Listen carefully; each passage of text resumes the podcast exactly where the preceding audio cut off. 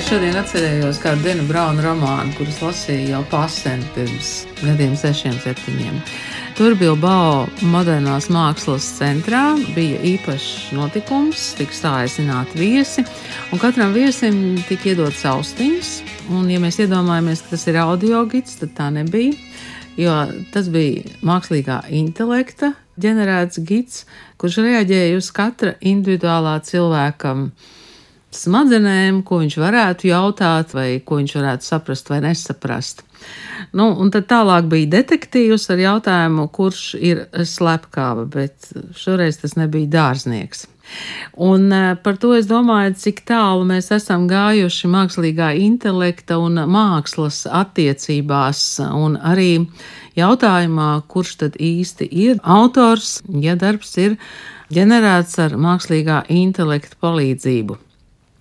Es domāju, ka šajā jomā mums ir vēl ļoti, ļoti daudz jautājumu, bet šeit studijā ir četri profesionāli cilvēki, kur varētu par šiem jautājumiem runāt. Juriste intelektuālā īpašuma tiesību jautājumos Ingrīda Kariņbērziņa. Labdien! Labdien. Andris Teikmanis, Latvijas Mākslas akadēmijas profesors un doktora studiju programmas direktors. Labdien! Labdien! Sandijs Ruļuks, fotogrāfs, grafikas dizainers, mājaslapu veidošanas aplikāciju un tā tālāk un tā joprojām veidotājs. Labdien! Labdien! Un uh, Jurģis Peters, jauno mediju mākslinieks. Labdien! Sveiki! Es sākšu ar eh, ļoti privātiem jautājumiem, proti, kādas ir jūsu kā mākslinieku vai kā tiesību ekspertu attiecības ar mākslīgo intelektu, kāda ir jūsu komunikācija ar mākslīgo intelektu? Un, un jā, arī kādas jautājumas jūs viņam uzdodat vai kādas komandas dodat. Nu, ar mākslīgo intelektu savā radošajā praksē strādāju jau kādus divus gadus brīžiem vairāk, brīžiem mazāk, bet nu, šis pēdējais laiks ir bijis tāds īpaši aktīvs. Tieši tikko ir atklāts Valmieras multimediju festivāls, kur ir mans, mans un mākslīgā intelekta radītais darbs, kas ir astoņu video sērija, dievišķi attēli. Un tad vēl papildus tam, tūlīt būs arī jauns projekts, kur um, svieto virtuālo realitāti, izmantojot mākslīgo intelektu. Un tieši šis mākslīgais intelekts ir izmantots, lai radītu nevienu attēlu, bet veselu vidi. Uh, Un, um, līdz ar to es teiktu, ka tas ir viena no lietām, ko es noteikti mēģinu arvien aktīvāk darīt, un arī ko es gribu kā, turpmāk vairāk darīt. Līdz ar to es varētu teikt, jā, ka nu, manuprāt, uh, tas ir kļuvis par tādu ikdienišķu darba rīku, un uh, es domāju, ka tam ir jā, milzīgs potenciāls. Bet uh, jūsu izpratnē tas ir darba rīks. Nu, es domāju, noteikti tas ir rīks, kas tomēr spēj kaut kā argumentēt manas kā mākslinieka prasmes, un uh, tas ir tāds varbūt ļoti gudrs aģents, ar kuru sastrādājoties, varu radīt kaut ko. Bet eh, jums pamatā ir mākslinieka izglītība. Man mākslinieka izglītība ir nesen, pirms tam ir uh, tehniska izglītība. Anglijā esmu studējis gan kiberdrošību, gan uh, dažādas datorlietas. Tā kā ir arī nu, šis varbūt tehniskais aspekts, kas nu, patiesībā droši vien arī ļauj varbūt kaut kā vairāk ar šiem algoritmiem strādāt un pilnveidot viņu savām vajadzībām. Jā, paldies, Joģis Peters, kurš lūdzu turpinās. Ingrīda, varbūt jūs, jo jūs atnācāt ar tādu interesantu vēstījumu. Nu, manā laukā, juridiskā profesijā, faktiski šobrīd tas ir diezgan aktuāls jautājums. Nu, Pirmkārt, kā mēs savā praksē izmantojam mākslīgo intelektu, teiksim, veidojot līgumus un darot tādas rutīna darbus, ko dators var izdarīt ātrāk, efektīvāk, lētāk. Otrs, protams, ir no, saka, no satura viedokļa. Ir tāds brīnišķīgs rīks, noteikti daudzi zinās, chat GPT. Un es esmu pašlaik augstskolā, es doktorējos Stokholmas Universitātē. Un numur viens, divi un trīs jautājums ir, kā novērst to, ka faktiski mūs kā cilvēks neaizvieto mākslīgais intelekts, kā izkontrolēt, ko studenti dara, kā viņi izmanto šo rīku kontroldarbos un kur mēs vispār esam. Un tad es biju paspēlējos, nu, man patīkās paspēlēties ar chat GPT. Es uzdevu jautājumu, kas ir mākslīgais intelekts. Un chat GPT skaidrā latviešu valodā man pasaka, ka tas ir datorzinātnes nozare, kas izmanto algoritmus, un mašīnu mācīšanos, lai datoram dotu spēju izprast, domāt, mācīties un rīkoties līdzīgi kā cilvēks. Un, uh, no, juridiskā viedokļa tas ir tas, kas ir interesants, ir, jo nu, mums ir mūsu regulējums par to, kur, kam pieder darbs, kam ir tiesības uz darbu. Tas viss pamatojas, nu, ka te, mums ir persona, fiziska persona. Un ko mēs darām, ka kaut ko, ka, arī mākslīgais intelekts pa vidu. Un uh, nav līdz galam atrisināts. Jā, es domāju, ka šie būs jautājumi, par kuriem mēs noteikti varēsim turpināt. Ingrīda Kariņa Bērziņa mums šeit ieskicēja šo, nu, mazliet autortiesību pusi. Andri, nu, vispirms jūsu personiskās attiecības ar mākslīgo intelektu, un pēc tam varbūt tās attiecības, kas notiek studiju vidē. Nu, personīgās attiecības ar dažādu veidu šiem ģeneratīviem modeļiem varētu teikt kaut kādus vairākus gadus jau esmu spēlējies, bet ir tādā hobija līmenī. Protams, tad, kad pavasarī uzzināja, ka Dālē divi ir palicis kaut kas, kas ir pietiekami nu, nopietns vērā ņemams, uzreiz pieteicos viņu baltajā lapā kā viens no testētājiem. Tad, kad, nu, tad, protams, tas tā kā visu diezgan pārmainīja to skatu, un pēc tam droši vien visiem kolēģiem uzmācos ar domām par to, ka mēs esam beidzot nonākuši līdz tam brīdim, ko mēs tā kā negaidījām. Uh, Bet tad, kad 30. novembrī parādījās ChatGPT, nu arī vēl tā nekas, bet 4. decembrī es nejauši uzrakstīju jautājumu latviešu, kur viņš atbildēja latviešu valodā. Viņš sāk rakstīt latviešu valodā, kas eh, man par lielu pārsteigumu bija labāk nekā 70% cilvēku, kas raksta latviešu valodā, nu, no gramatikas viedokļa raugoties. Un tad es sapratu, ka mēs esam nonākuši līdz tam brīdim, līdz tam revolucionāram brīdim, par ko esam runājuši. Un, ja līdz šim mēs runājuši par 4. paudzes tehnoloģisko revolūciju, 4. paudzes industriju, un tas tā kā likās tālu, tad šobrīd mēs esam nonākuši situācijā, ko sauc par 4. paudzes kultūru. Un mums līdz šim likās, ka mūsu valoda ir tā, kas mūs pasargā šajā 4. paudzes situācijā.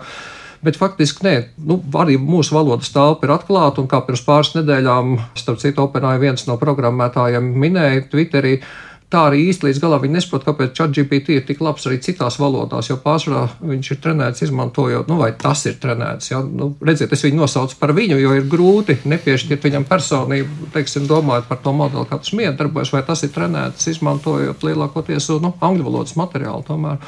Bet tas rezultāts ir tāds, jā, ka tas maina mūsu pasaules skatījumu uz tām lietām. Protams, ir viena lieta, kas man atstāja vēl tādā drošības situācijā. Pārbaudīju ar vienu no materiāliem, nu, vienu no jomām, kurā es darbojos, tā ir Latvijas mākslas vēsture.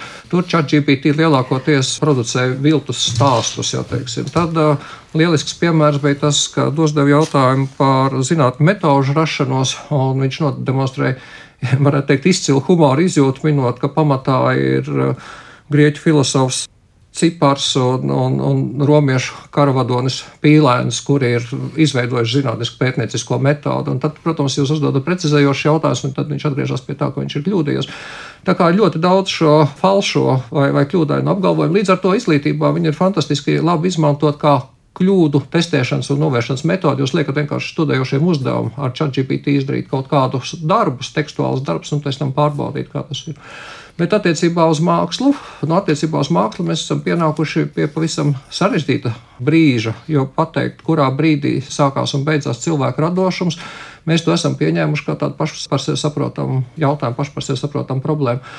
Bet eh, nu, šie generatīvie modeļi mums liks pārskatīt diezgan daudz ko no tā, ko mēs esam darījuši. Pie tam neskatoties to, ka nu, arī tas vārds, ko nu, mēs viņus sauksim, mākslīgais intelekts vai generatīvais modelis. Generatīvā māksla ir jēdziens, kas ir no kopš 65. gada. Abrahams Mols pirms vairāk nekā 50 gadiem uzrakstīja virkni brīnišķīgu teorētisku darbu par generatīvo mākslu.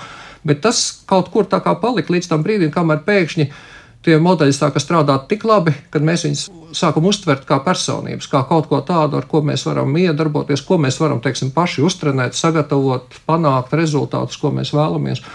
Un tajā brīdī nu, arī kolēģis jau minēja, ka viņi savulaik ir eksperimentējis ar generatīviem modeļiem. Bet nu, vēl dažus gadus atpakaļ viņi atradās tajā brīnišķīgajā šausmu ielā, nu, ko ar, ar generatīvā modeļa darba rezultātiem varēja tikai baidīt cilvēkus, neko vairāk.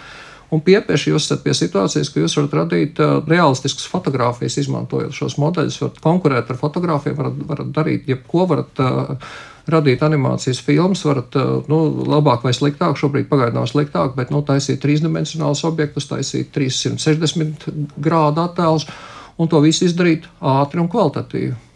Tātad chatbots tirzēšanas robots. Es lasīju tādu formulējumu latviešu valodā, un um, mani kolēģi raidījumā zināmais nezināmajā faktiski veselu raidījumu veltīja tekstiem un chatbotam.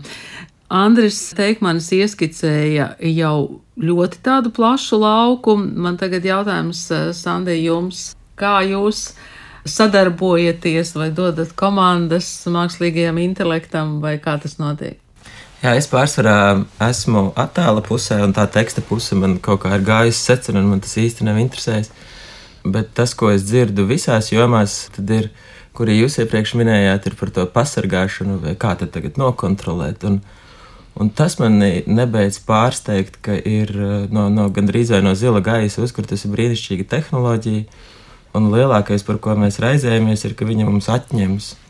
Un es domāju, ko tad tieši ir ko atņemt Nu, kā vai kāds grib rakstīt tos līgumus ar rokām un no galvas katru dienu, nu, atkārtot tos pašus un pašus punktus, ka tik daudz kas ir īstenībā, ko varētu uzlabot, un arī attēlu ziņā šobrīd tiek daudz runāts par to, ka ir nu, vai nu ir cilvēka radīts attēls vai datora radīts attēls.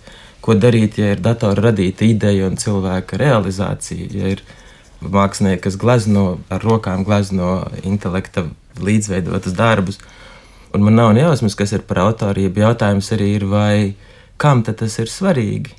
Jo, ja mēs domājam no autora tiesību un naudas aspekta, kur kāds ar, ar tehnoloģijās jo īpaši ierobežo visus pārējos ar to, ka viņam kaut kas pieder, tad, tad tas modelis sāk brukt. Vai arī, tad, ja mēs runājam par izglītību, kur ir tā vispār tā ideja, kur ir kontrola darbs, tevi kontrolēs, vai tu esi pareizi iemācījies. Un tad īpaši, ja domā par radošo sfēru, kur kur pastāv ideja, ka var pareizi iemācīties, man liekas, tas lielā mērā iet pretēji radošam. Tādēļ man ir eh, varbūt ne tik ļoti populārs viedoklis, bet man liekas, ka virknē lietu nemaz pirmām kārtām nebija jābūt. Nu, tās esejas, kuras katru gadu visi raksta vienādas par vienu to pašu autoru. Un funkcija ir vienkārši tevi spīdzināt, lai tu uzraksti, cerot, ka caur burtiem tev iesitīs to iekšā galvā un visu dzīvi tev noderēs šis kaut kas. Man šķiet, tas vienkārši tāds ļoti rūpniecisks modelis. Man ir aizdoms, jā, patiešām, ka ir labāki veidi, kā mācīties un mācīt, un tas varētu būt caur interesi, caur eh, tiešām tā radīšana, radošumā. Man liekas, ir interesanti, ka tā radīšana tiek stimulēta. Pat izmantojot eh, tādu rīku kā mākslīgais intelekts. Bet eh, jūsu paša izglītība ir kāda? Man ir uh, miksēta, man ir uh, programmēšana, uzņēmējdarbība un mākslas akadēmijas, es pabeidzu. Un, uh, Tādēļ eh, man visas tās trīs puses, kur eh, ļoti labi patīk gan tehniskā daļa, gan mākslas daļa, gan arī kas to visu griež, un eh, arī uzņēmējdarbība un finansiālā daļa, jo par ko šobrīd nerunā, ka pieņemsim katrs tas meklējums tajā chat GPT īstenībā ir daudz dārgāks nekā meklējums tajā pašā Google. Viņš finansiālus resursus lielākus patērē, jaudas, elektrību, visu kaut ko. Un arī kopš es esmu sācis strādāt vairāk ar mākslīgo intelektu, mans rēķins ir pieckāršojies mājās. Tā kā kāds par to maksā, un cilvēkiem ir sajūta, pasties, re, kur viss tagad par brīvu tiks izdarīts. Diemžēl, vai par laimi, tas vēl nav monetizēts, bet drīz mēs maksāsim varbūt ar vairāk reklāmām. Bet tās programmas, kur mēs varam ieiet un, un radīt tekstus vai radīt mākslas darbus vizuāli, tās pagaidām ir par brīvu. Kāds par to maksā, bet mēs varam par brīvu to darīt. Nu, kā kuras, piemēram, tas pats ChatGPT nesen palaida savu prēmiju servisu, kur, ja nemaldos, par 20 dolāriem mēnesī samaksājot, tev ir lielāka iespēja, ka tu tiksi pie tā bota klāt, tad, kad tev vajadzēs, plus tev būs ātrāk atbildžu laika, piemēram. Bet joprojām ir bezmaksas versija, kurai ir atkal tas, ka nu, ļoti bieži to var netikt klāt, jo kāds cits izmanto. Un, nu, tā kā ir gan, gan. Turpat ir divi modeļi. Maksas versijā ir tā saucamais turbo modelis, patiesībā par noklusēto modeli šobrīd. Bet eh, bezmaksas versijas, tas vecais modelis, tas ir vieglāk athakojams ar, ar komandu rindu palīdzību. Tam var, teiksim, to var pārvērst par dānu vai, vai, vai kaut ko tādu, ja, bet eh, to jauno turbo modeli vairs nevarēja. Ja, bet, nu, par, par maksu iegūst pareizāku, politkorektāku modeli, bet ātrāk. Ja. Es nu, šajā mūsu sarunas daļā jau saprotu, ka mēs labprāt atdotu mākslīgajam intelektam darīt rutīnas darbus, ikdienas darbus un darbus, kas varbūt prasa daudz laika un darba, bet eh, nav tik radoši. Bet eh, labprāt to radošo pusi mēs tomēr eh, paturētu sev vai komandējošo pusi. Par autortiesībām, Ingrīda, vai tas jautājums par autortiesībām un mākslīgo intelektu ir aktualizējams tomēr? Kam pieder mākslas darbs?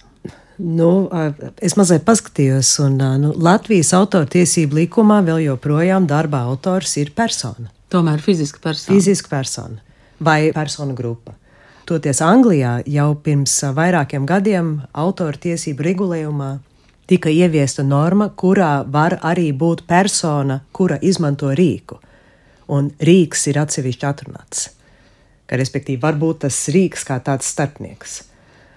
Jā, tā kā, nu, vai, vai mēs, es nezinu, vai Latvijā ir bijuši kādi strīdi, vai jūsu redzeslokā ir kāda, nu, kādas tā, problēmas? Tā, tādi strīdi nav bijuši, bet ar autortiesībām mākslas jomā daļai kaut kur esmu saistīts. Esmu biedrībā kultūra izglītība, autortiesības un māksla, ko mēs savulaik arī izveidojam kultūra izglītības un autortiesību jautājumu risināšanai. Bet eh, man liekas, ka raugoties no tā mūsu Latvijas regulējuma viedokļa, tomēr sanāk, ka tajā brīdī, kad es pabeidzu nu, ar to modeli un iegūstu to savu darbu, tomēr autorība simtprocentīgi ir man. Es nezinu, teiksim, mūsu tajā regulējumā.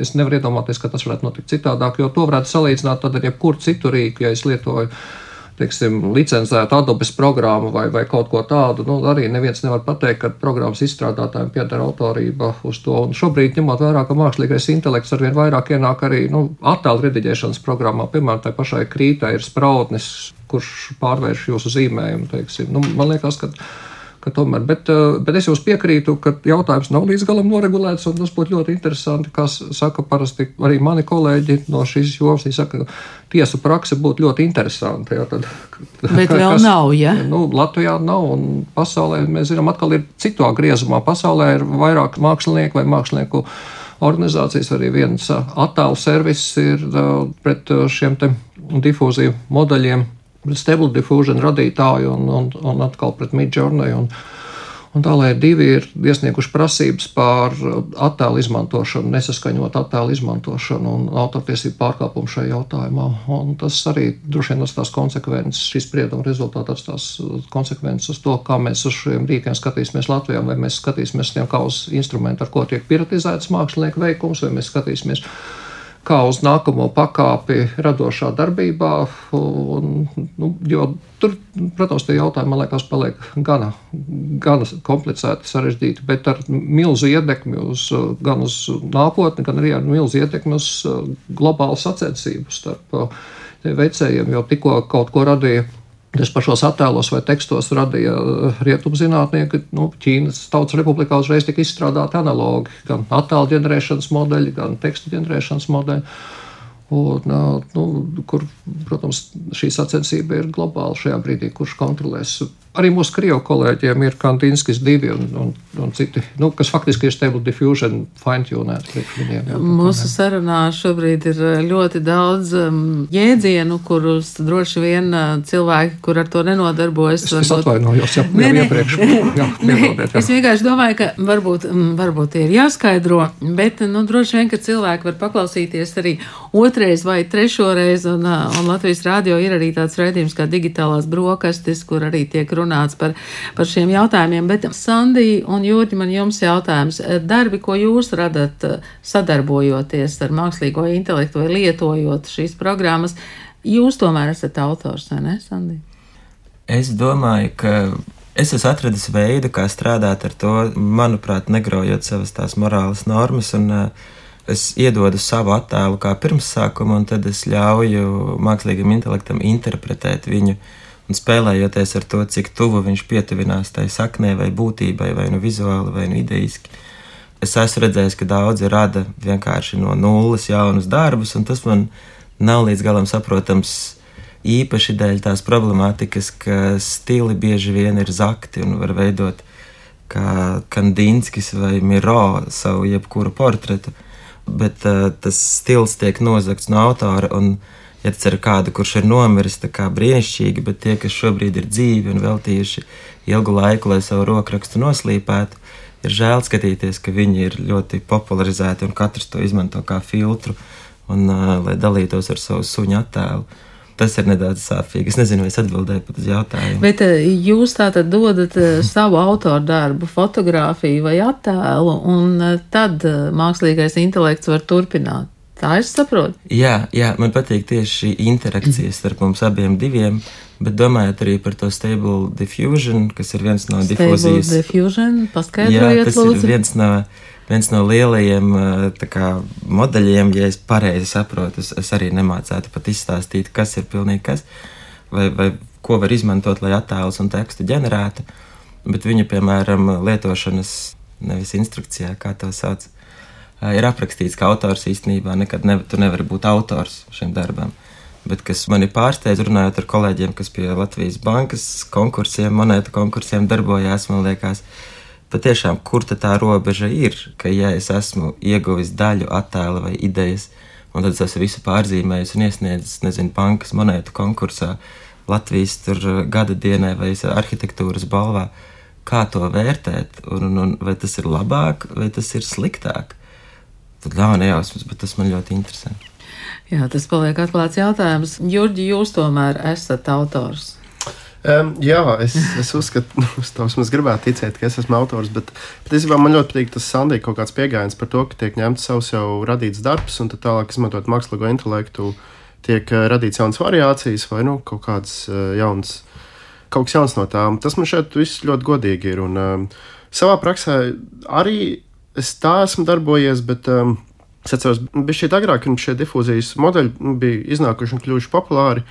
Bija tas sauktais Stelgan algoritms, kādu laiku ļoti populārs, kur um, tā ideja bija tāda, ka tu savāc attēlus, iedod algoritmam, uztreni algoritmu, un viņš spējīgs radīt nu, jaunas variācijas no šiem attēliem.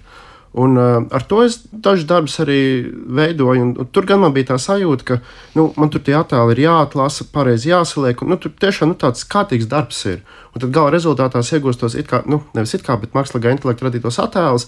Un tas var teikt, jā, nu, šis ir mans, jo nu, es te izdarīju šito, šito, šito. Bet arī, arī tas, ko Sandijs minēja, man šķiet, ar tiem nu, difūzijas modeļiem ir ļoti viegli vienkārši uzrakstīt vienu frāzi vai teikumu, un tev ir attēls gatavs. Un, Bet tomēr jūs uzrakstat vienu teikumu.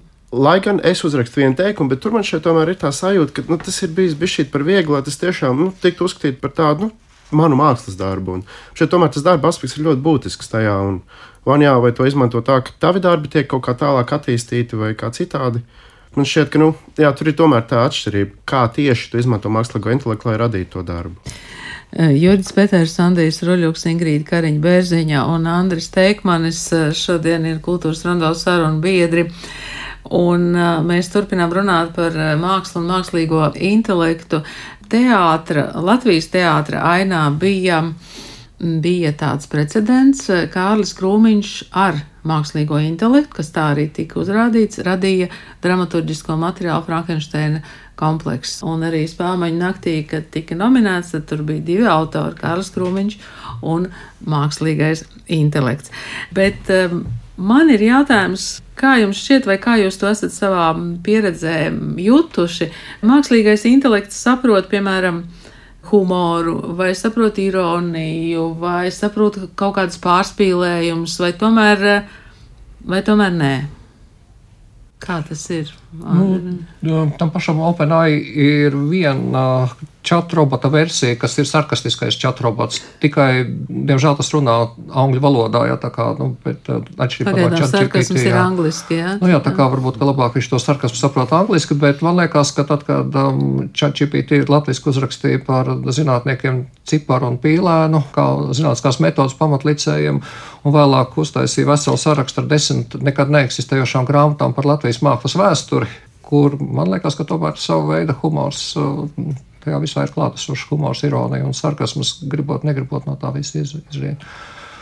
Bet um, jā, te mēs nonākam arī pie jautājuma, man liekas, pie tāda būtiskākā jautājuma, jo mēs esam pieņēmuši, ka tāda lieta kā humors, līdzīgi kā radošums, ir kaut kas, kas piemīt cilvēkam un ir nu, ekskluzīvi cilvēciskai būtnei. Tāpēc, protams, nu, mēs tā esam vienmēr nedaudz pārsteigti, ka tas modelis var kaut ko tādu izdarīt.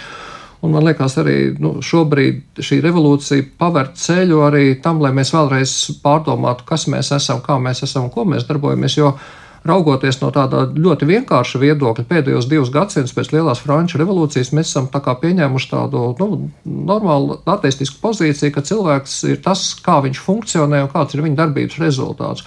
Un tagad mēs saskaramies ar to, ka tas modelis var radīt darbus, kas kaut kādā brīdī ir labāki, efektīgāki vai vismaz salīdzināmi ar to, ko rada cilvēks. Un mēs saprotam, ka mūsu tas lauks, sakrālais lauks, kā radošums, bet mums ir jāatbild uz to, kas ir šī radošuma sakralitāte, kāpēc tā ir sakrāla, kāpēc mēs to gribam aizstāvēt, vai kāpēc tas ir kaut kas, kas atšķirās no tā, ko dara šis modelis.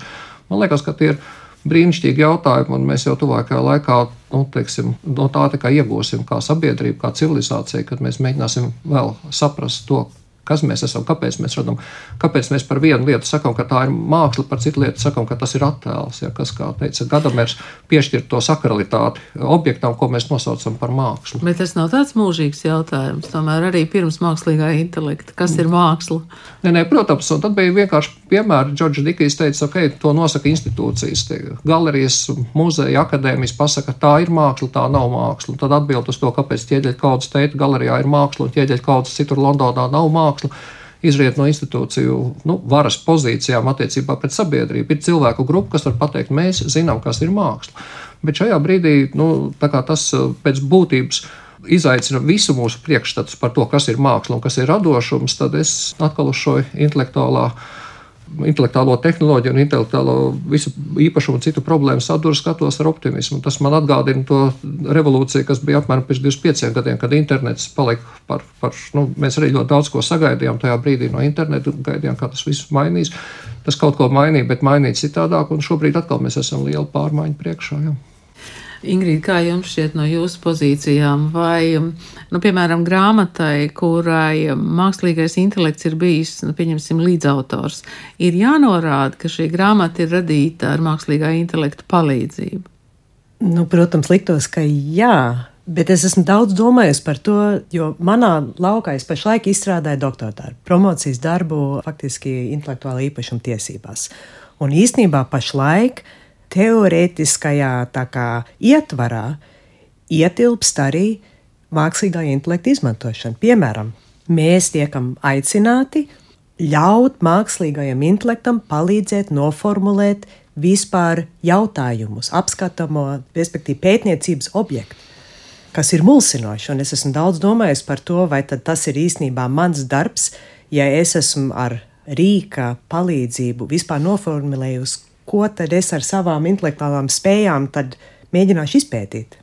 Bet, bet kā noformulēt tos jautājumus? Nu, es negribu, lai jūs atklājat konkrēti, ne. bet, bet kādā līmenī tad noformulē šis mākslīgais intelekts jautājums? Nu, nu, piemēram, var uzdot tam pašam ChatGPT, var uzdot jautājumu, kādi būtu apskatāmie aspekti tādā un tādā laukā vai kādi ir strīdus jautājumi tur un tur. Jo izstrādājot zinātnisko darbu, tu piedalies sarunā starp zinātniekiem. Un ir jāatrod, nu, kur ir tas pavadiens, kas ir tas, par ko viņi strīdās. Un uzdodot mākslīgajam intelektam jautājumu, tad viņš tev var pateikt, lūk, šajā laukā mēs strīdamies par to. Piemēram, mākslīgā intelekta, no juridiskā viedokļa, tas, par ko pašlaik ir milzīgas diskusijas, ir Eiropas Savienībā tiek izstrādāta regula mākslīgā intelekta sistēmu regulēšanai. Un tas jau ir kopš 21. gada darba procesā, un tur ir milzīgi strīdi par to, tāpēc, ka regulējot mākslīgo intelektu, kas šobrīd īstenībā ir diezgan tādā Pašregulācijā. Jā, pašregulācijā, bet tagad grib regulēt. Un tā doma ir tāda, ka labi, mākslīgais intelekts, mēs runājam par mākslu, par radošumu, bet piemēram, veselības aprūpe, piemēram, darba attiecībās, tur, kur tas mākslīgais intelekts pieņem lēmums, kas skar cilvēks, tad mēs gribam tomēr kaut kā to lietu kontrolēt. Un tas, ko radītāji negrib, ir, ka viņu sistēmas tiek pabāztas zem definīcijas, kas tiek regulēts, jo tad katrā Eiropas Savienības dalība valstī paredzēt, ka būs kaut kāda, nezinu, institūcija, komisija, kur tad pāraudzīs. Jo galu beigās tas viss reducējās uz to, ka šeit mēs esam tie, kuri varbūt dod instrukcijas, bet ir arī tie, kuri programmē tās sistēmas, kur viņiem tad tos inputus ļauj apstrādāt un pasaka viņiem, kā to darīt.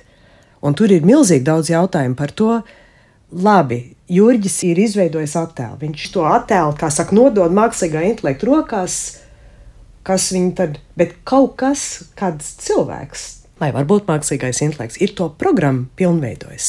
Kas tad pieņem lēmumus par to, ko mēs saliekam? Tas nav radies pats no sevis. Un tas ir vispār ļoti interesants jautājums. Droši vien Sandijs vairāk par to zina, par to programmēšanas pusi. Kāpēc tā sistēma vispār tā uzvedās? Bet man šeit, tur ar to sistēmu joprojām tas ir tas sauktais black box, ka īsti nu, nav skaidrs, kas iekšā tur notiek, kā tie lēmumi tiek pieņemti. Un tas, kā tu vari kaut, kā, kaut ko saprast par sistēmu, ir dot ļoti daudz kā, input sistēmā, skatīties outputs un tad minēt, kāpēc tā. Jo, tur, nu, jo tā jau nav īsti tāda nu, parasta programmēšana, kur ir teikt, hardcodēts, ka, nu, ja ir tā, tad ir tā. Tur man šeit tomēr ir tā mākslīgā intelekta, tā, tas brīnišķīgums, ka tā vai citādāk tā ir mākslīgi domājoša sistēma. Un, tā ir tāda melnā kaste, tāpat kā mūsu galva. Nu, Jā, es domāju, ka tā ir laba analoģija. Man, man vislabākā analoģija droši vien būtu ar alķīmiju. Kaut kā tā ziņā, teiksim, viduslaika alķīmiķi kaut ko salika kopā, un tad nu, no tā bija rezultāts.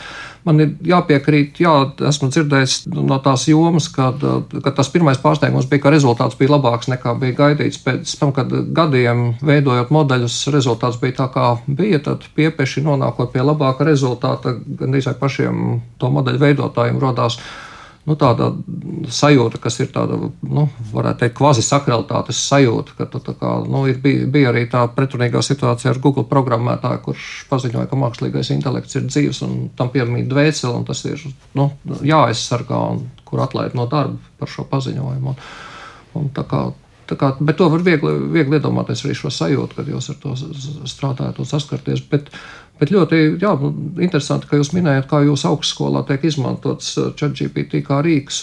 Tā arī ir vēl viena interesanta problēma.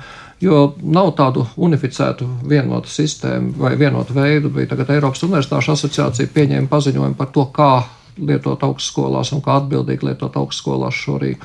Mēs redzam, ka dažādas publicēšanas iestādes, nu, teiksim, Nature un Science, abi lielie zinātnes izdevumi pateica, ka tie nepieņems tekstus, kas ir radīti ar mākslīgā intelekta palīdzību, ka tiem ir vajadzīgs zinātnieku radīts teksts.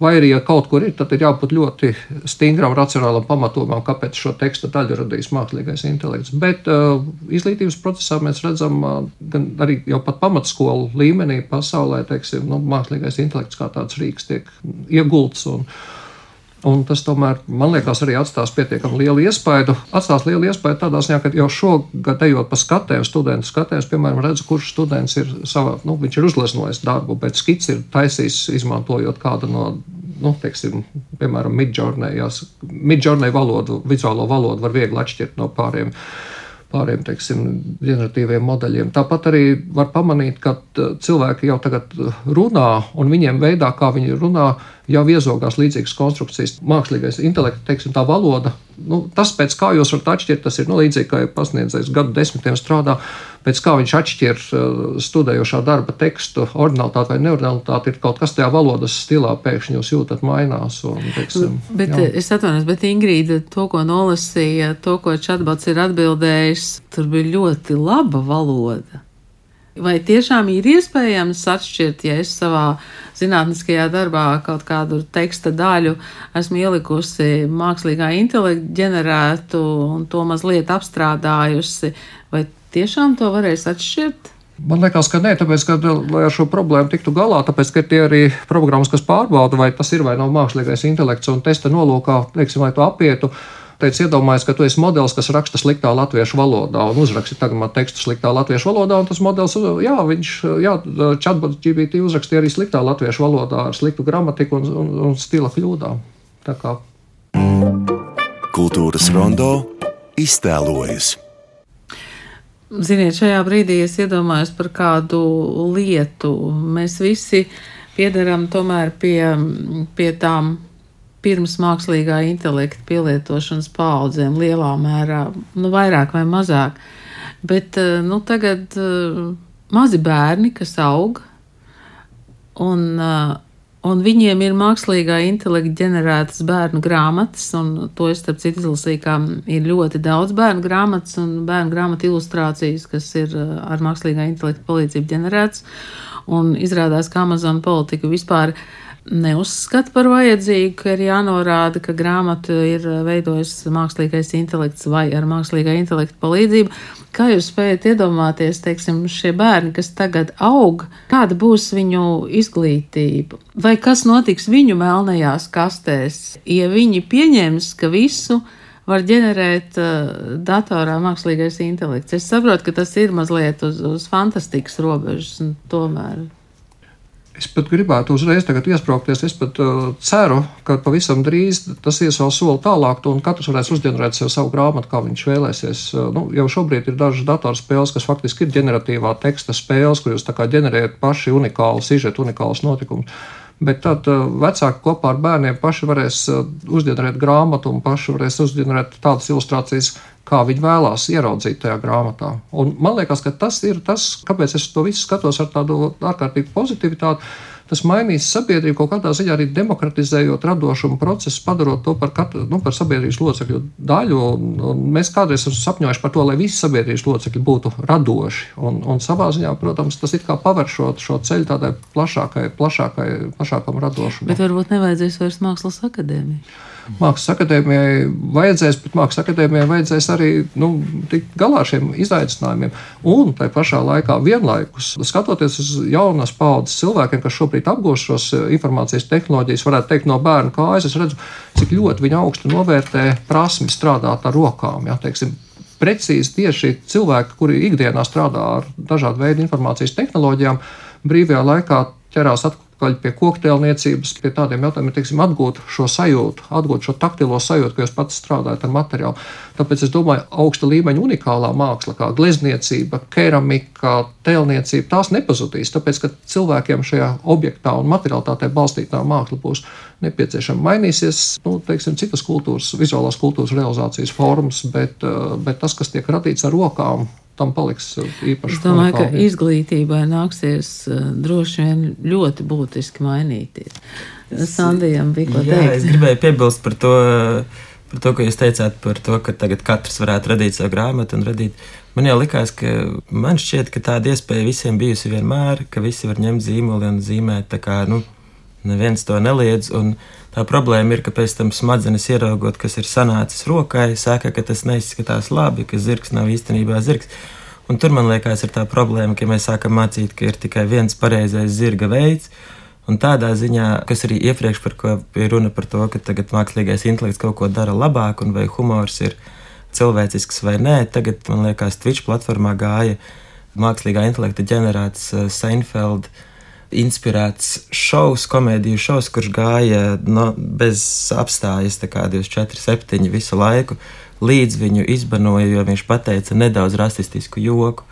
Un viņš ir apmācīts uz visām Seinfeld epizodēm, un viņš ir animēts, un viss tur notiek. Bet tā tad pamatā tomēr ir reāls epizodes. Uh, pamatā ir reāls epizodes, bet tas, kas cilvēkiem piemīt, ko varbūt jūs arī esat redzējuši, ir kļūdas. Cilvēki citreiz pasaka sliktus jokus, par ko kāds apvainojās, un, un uh, dažreiz tas ir aizskaroši. Man liekas, uh, nes kādēļ no mākslīgā intelekta tiek sagaidīts, ka viņš to gan nedarīs, viņam tur būs tikai labais sarkasms.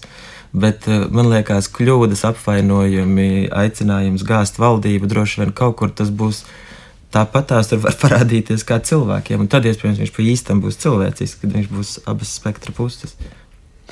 Jā, nu tas jautājums, kas notiks ar, ar mūsu uh, smadzenēm, tas man šķiet ir neatbildams jautājums. Kas notiks tajā mūsu melnajā kastē? Juridiskajā laukā daudz runā par to, un arī citos laukos, kā tagad rutīnu darbu pārņems mākslīgais intelekts un paliks tikai speciālists. Un, respektīvi, tev nevajadzēs vairs algot tur juristus, kas tur rakstīs līgumu un kaut kādas tādas sīkas darbiņas, tur nospiedīs podziņas samaksā 2 eiro, viss ir gatavs.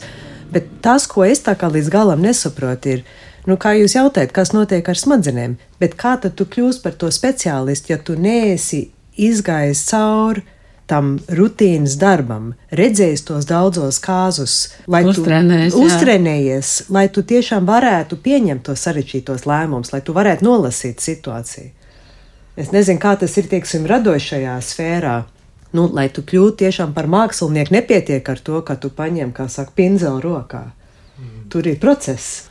Protams, tur būtu mākslīgā intelekta mākslinieks un tikai radīt tādā veidā darbus, bet tā ir tāda ļoti šaura. Un... Droši vien parādīsies šāda, teiksim, kurus vairs negribētos, nu, kurus gribētos saukt, lai atdalītu no, teiksim, tradicionāli māksliniekiem. Mēs viņus varētu saukt par operatoriem, cilvēki, kas operēs ar uzvednēm un izmantos uzvednes kā jau, nu, tā kā tāds savu veidu mini programmas, piešķirot dažādas vēl tur papildus nozīmes vai svarus vārdiem un, un, un un uh, miedarbojoties ar dažādiem tur vēl iebūvētiem aspektiem, tajā pašā Stable Diffusionā, kas ir gana populārs, tāpēc, ka to var pilnveidot trenēt, pielāgot, mainīt, un uh, kas ir izveidojis milzu kopienas, uh, varētu teikt, globālas miljoniem cilvēku, kas pirms gada droši vien pat nesapņoja nodarboties, piemēram, ar kaut kādu zīmēšanu vai gleznošanu vai ilustrācijām. Šobrīd nodarbojas ar to.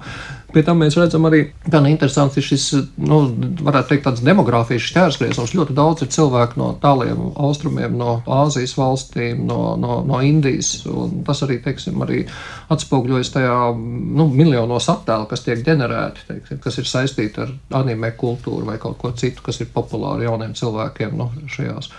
Šajos reģionos. Un tāpēc uh, kaut kādā ziņā tas kā maina arī globāli, bet uh, jā, tas ir pietiekami, pietiekami intriģējoši.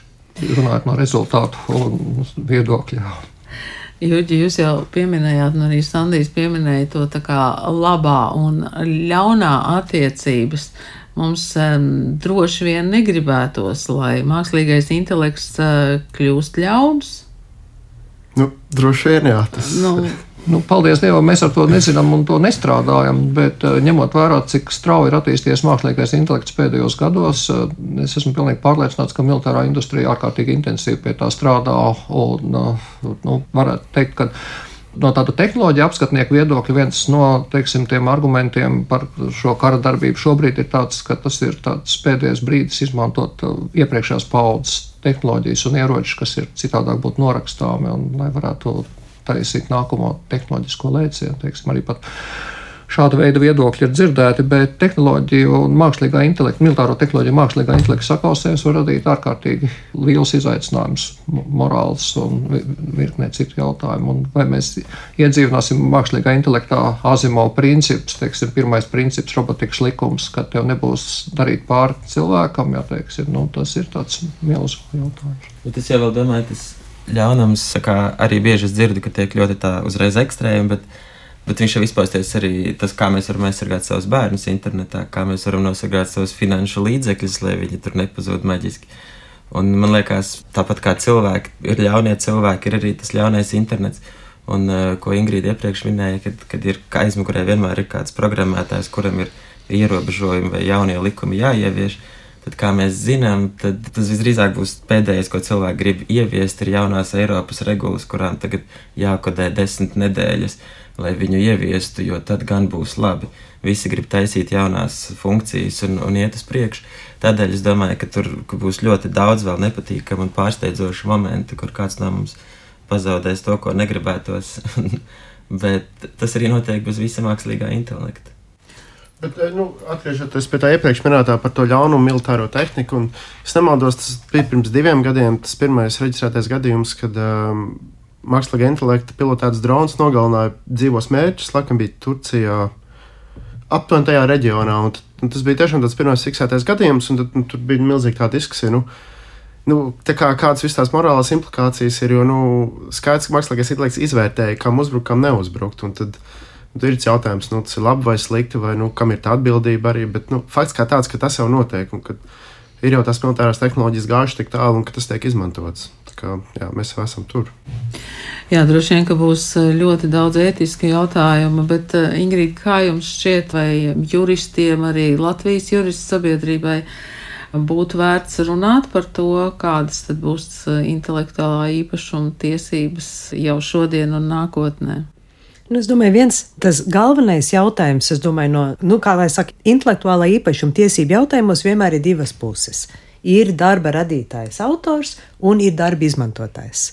Un es domāju, tas, ko mēs visi gribētu, ir, ka šeit ir skaidrs, tā lai tas darba radītājs tiktu atzīts kā darba radītājs, darba autors, lai viņam ir, kā saka, morālais gandarījums, lai viņam ir finansiāls gandarījums, ja cits pelnās ar to darbu, lai tas būtu sakārtots, bet arī lai no izmantotāja puses būtu, kā saka, kārtība. Ja tu gribi, nu, jau šodien, es domāju, ir diezgan liels, nu, manā ieskatā, haoss faktiski par satura izmantošanu galīgi nesaprotu. Teiksim, es redzu bildi internetā, nu viņi tur ir. Drīkst es viņu ņemt, drīkst es izmantot. Nu, protams, es kā jurists saku, uzmanīgi, uzmanīgi, uzmanīgi. Mhm. Skaties, mm -hmm. skaties no, nodrošina tiesības. Un varbūt tieši mākslīgais intelekts mums var palīdzēt faktiski šo vidi nedaudz sakārtot tādā tīri tehniskā ziņā. Ka mēs varam vienkārši, nu šodien man liekas arhaiski, piemēram, radio. Tiek maksātas kaut kādas neskaidras licences maksas, darba autoriem, ja tie darbi tiek atskaņoti. Un tad kaut kādā brīdī, kā saka, mūziķim kaut kāda naudiņa kaut kur iebirst.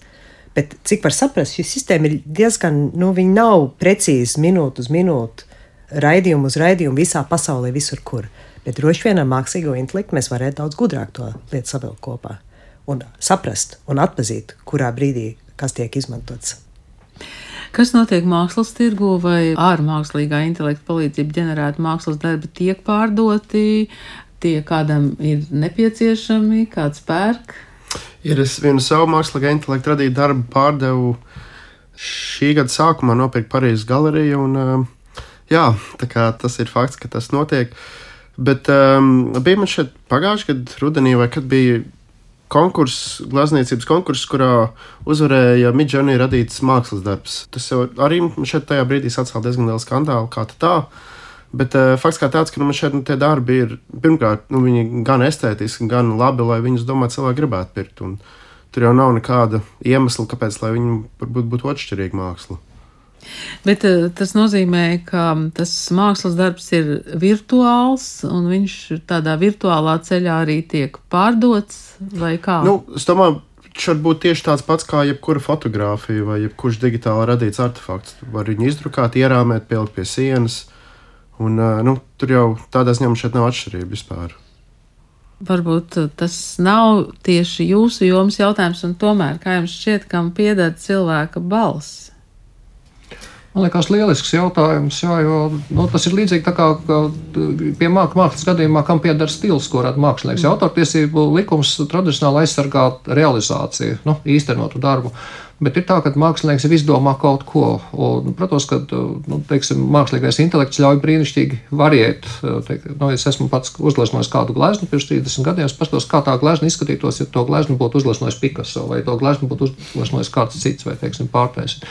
Līdzīgi arī ar balsi. Pēkšņi jūs iegūstat iespēju, piemēram, kā būtu, ja teiksim, manā vietā tagad sēdētu Alberts Einsteins un runātu šeit pie galda. Nu, ar Einsteinu ir labi, viņš ir miris pirms vairāk nekā 70 gadiem un droši vien. Nu, līdz ar to arī teiksim, tiesvedība neiestātos šajā jautājumā par viņu balss izmantošanu. Bet ko darīt nu, ar dzīvākiem cilvēkiem, ko darīt ar pašreizējiem cilvēkiem, ko darīt ar politiķiem? Šobrīd brīnišķīgi tiek nu, autentiskuma problēma ir skārus absolūti ir, internets ir pilns ar video teiksim, filmām, kurās runā prezidents Baidens, prezidents Zelenskis vai, vai, vai, vai, vai, vai, vai kaimiņu valsts diktators Puķins, un katru reizi viņš pasaka kaut ko tādu, ko tie veidotāji, kur paliks tā robeža. Arī, arī, Kā to izmanto, jā. Arī mākslas vēsturē, kas ir mans lauks, ir šobrīd kaudze apzināti jau, teiksim, nu, tur, piemēram, indiešu skulptūras grieķu stilistikā ir pieražotas internetā, nu, fotografijas, un tur nu, cilvēki uzraksta, ka viņi tādas ir tagad atraduši vai kā tālāk, ka, teiksim, autentiskuma problēma būs viena no problēmām. Līdz ar autortiesībām, nu, tajā, nu, radošo industriju jomā nākamā būs autentiskuma jautājums. Var parādīties arī mākslas darbi, kurus jūs neesat radījuši, bet nu, kuri var tikt uztrenēti, izmantojot jūsu teiksim, zīmēšanas vai gleznošanas stilu. Un teikt, nu, jā, jūs to kādreiz taisījāt, vai kā tālāk. Jā, un, nu, tur parādās virkne problēma. Bet par valodu, jā, teiksim, īpaši, ja tas ir kāds nozīmīgs cilvēks, kultūras darbinieks vai politiķis, vai ir tiesības izmantot šīs personas valodu, es nezinu. Tad man ir jājautā. Jā. Un pārveidot. Nu, es domāju, šeit mēs saduramies pie privātuma jautājuma arī. Un, un kas tas ir? Nu, jā. Es domāju, jā, ka šeit ir vairāk jautājumu nekā atbilžu. Protams, ir ļoti interesanti par to domāt. Un, uh, Es izlasīju arī, ka kopā ar mūzikas vēsturniekiem ir izdevies kopā ar mākslīgo intelektu pabeigt Beethovena desmito simfoniju. Bet, protams, ka tur ir bijis klāt cilvēks, kurš ar to ir strādājis. Bet šodien es saku jums paldies par šo sarunu. Es ļoti ceru, ka šīs sarunas turpināsies gan citos mūsu raidījumos, gan citos Latvijas radio kanālos. Paldies par līdzdalību Ingrīdai Kariņai Bērziņai, paldies Sandrim Teikmanim, Sandijam Ruļukam un Jurģim Peteram. Paldies jums! Paldies! paldies. paldies.